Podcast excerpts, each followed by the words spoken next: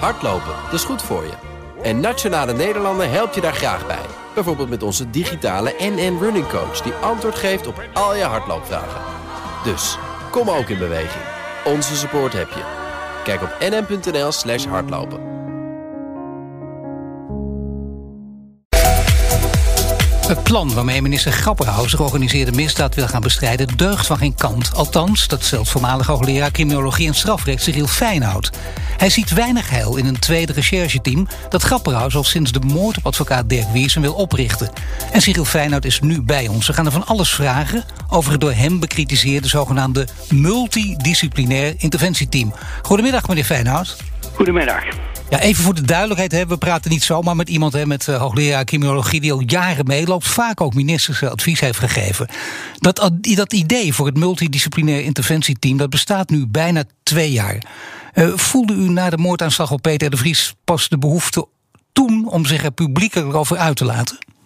Nou nee, ook al voor die moord had ik wel links en rechts laten verstaan dat we misschien toch toe waren aan een uh, vrij forse uh, versterking van de recherche in Nederland. Op nationaal, regionaal en ook stedelijk niveau. Gelet op wat er allemaal uh, gebeurde. En dan inderdaad vindt die moord op de advocaat Wiersen plaats.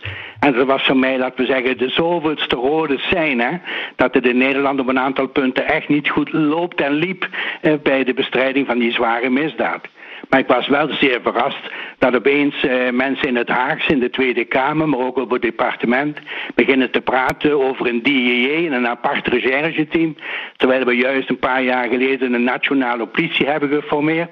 Met een stevige landelijke recherche, vertakt op de regio's, om juist ook die zware misdaad te kunnen bestrijden.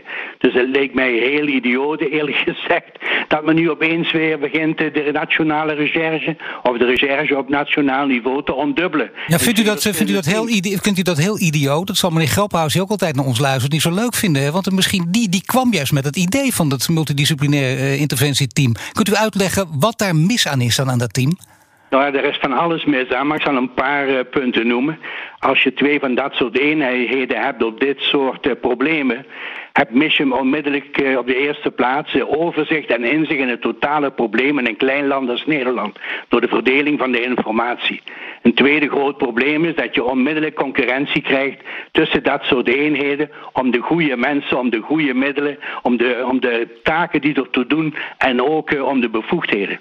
En een derde groot probleem is dat als je in Nederland twee rivale teams opzet, dat ook de samenwerking met buitenlandse eenheden zeer bemoeilijkt wordt. Want die weten dan ook niet meer tot wie ze zich in Nederland moeten wenden.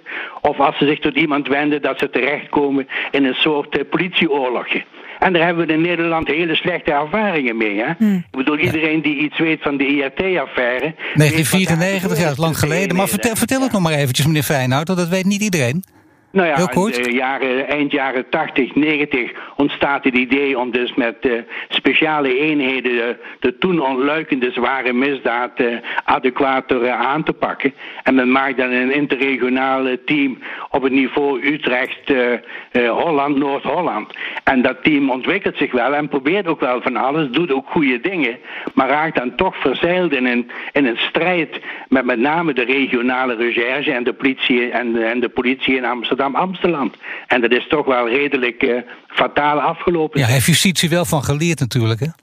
Wat zegt u? Daar hebben ze toch wel van geleerd. Hè? Ik bedoel, dat wordt voortdurend aangehaald, ook in alle leerboeken, in alle interviews. Dat moet nooit weer. Er is een hele parlementaire enquêtecommissie overheen gegaan. Ja, nee, ik was er nooit bij betrokken. Ik was rechterhand van Maarten van Traan. Ik heb het dicht, van dichtbij uh, meegemaakt. Maar daarom is het juist zo dwaas om juist in het licht van die ervaringen... en ook andere ervaringen in Nederland trouwens... om dan toch die uh, recherche op nationaal niveau op, op te splitsen, zeg maar... Hm. in twee verschillende eenheden. Dat is echt vragen om grote moeilijkheden en dat is zeker geen effectieve bijdrage aan een betere bestrijding van zware misdaad. Maar meneer Feyenoord, uh, minister Grapperhaus, die heeft, neem ik aan, dit idee niet zelf uit zijn eigen mouw geschud. Die wordt ook geadviseerd door allerlei eh, ambtenaren en andere deskundigen. Um, dat kan toch. Eh, u zegt er deugt echt niks van dit plan.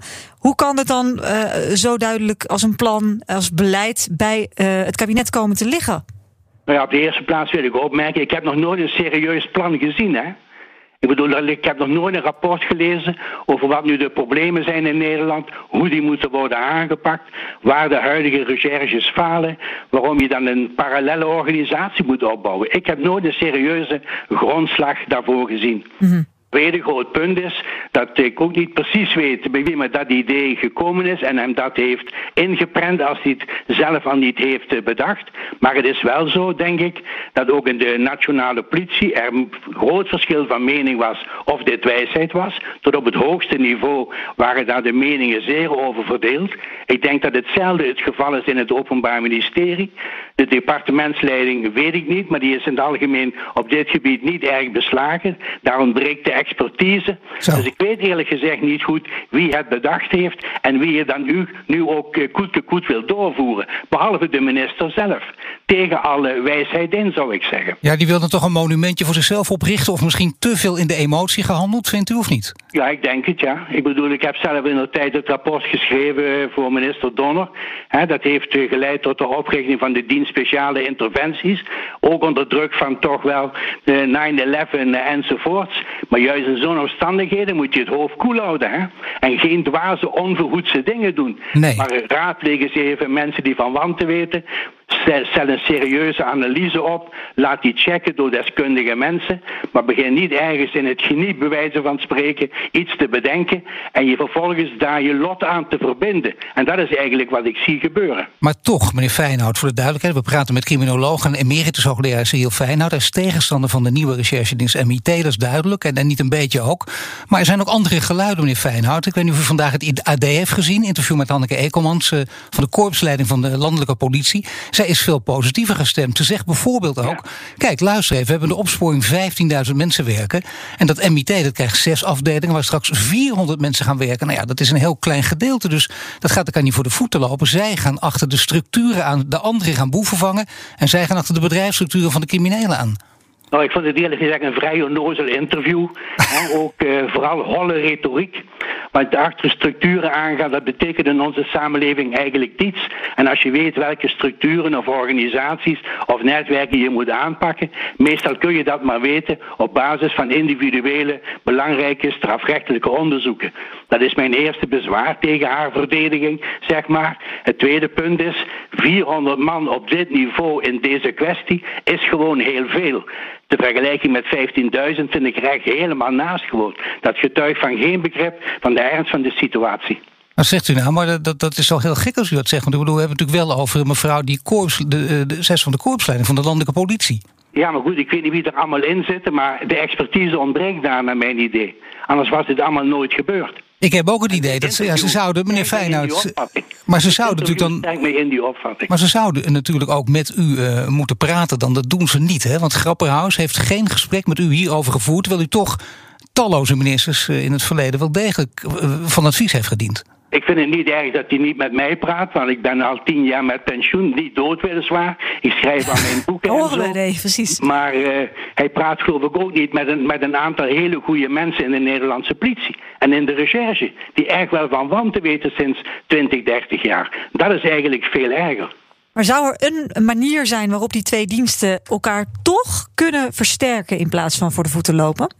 Nou ja, wat mij betreft moet, moet men van dat mid af en moet men zich bezinnen op versterking van de bestaande recherchestructuren. Dat is volgens mij de enige adequate oplossing.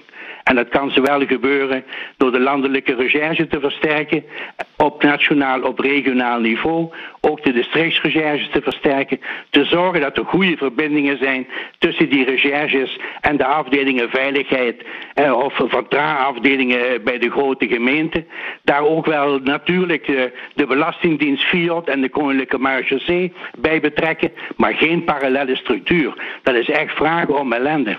Maar goed, de minister heeft daarop ingezet. Uh, wat verwacht u? En dan op basis van uw ervaringen, als u weet hoe dat werkt en hoe het spel gespeeld wordt, denkt u dat het MIT uiteindelijk toch gewoon gaat komen? Ja, zolang deze minister zit, heeft er zijn lot aan verbonden, geloof ik, zal het er wel komen. Dus ik ben erg blij met de Tweede Kamer dat men daar in september een serieuze discussie over wil voeren. En ik reken eerlijk gezegd op het volgende kabinet dat dat kabinet dit terugdraait en opnieuw start met een serieuze analyse van de problemen en met een serieuze discussie over de adequate oplossingen. Ik dank u, Cyril Fijnhout, hoogleraar criminologie en strafrecht. En dan is het kwart voor vijf geworden. Helene Geest bij de ANWB. Hardlopen, dat is goed voor je. En Nationale Nederlanden helpt je daar graag bij. Bijvoorbeeld met onze digitale NN Running Coach... die antwoord geeft op al je hardloopvragen. Dus, kom ook in beweging. Onze support heb je. Kijk op nn.nl slash hardlopen.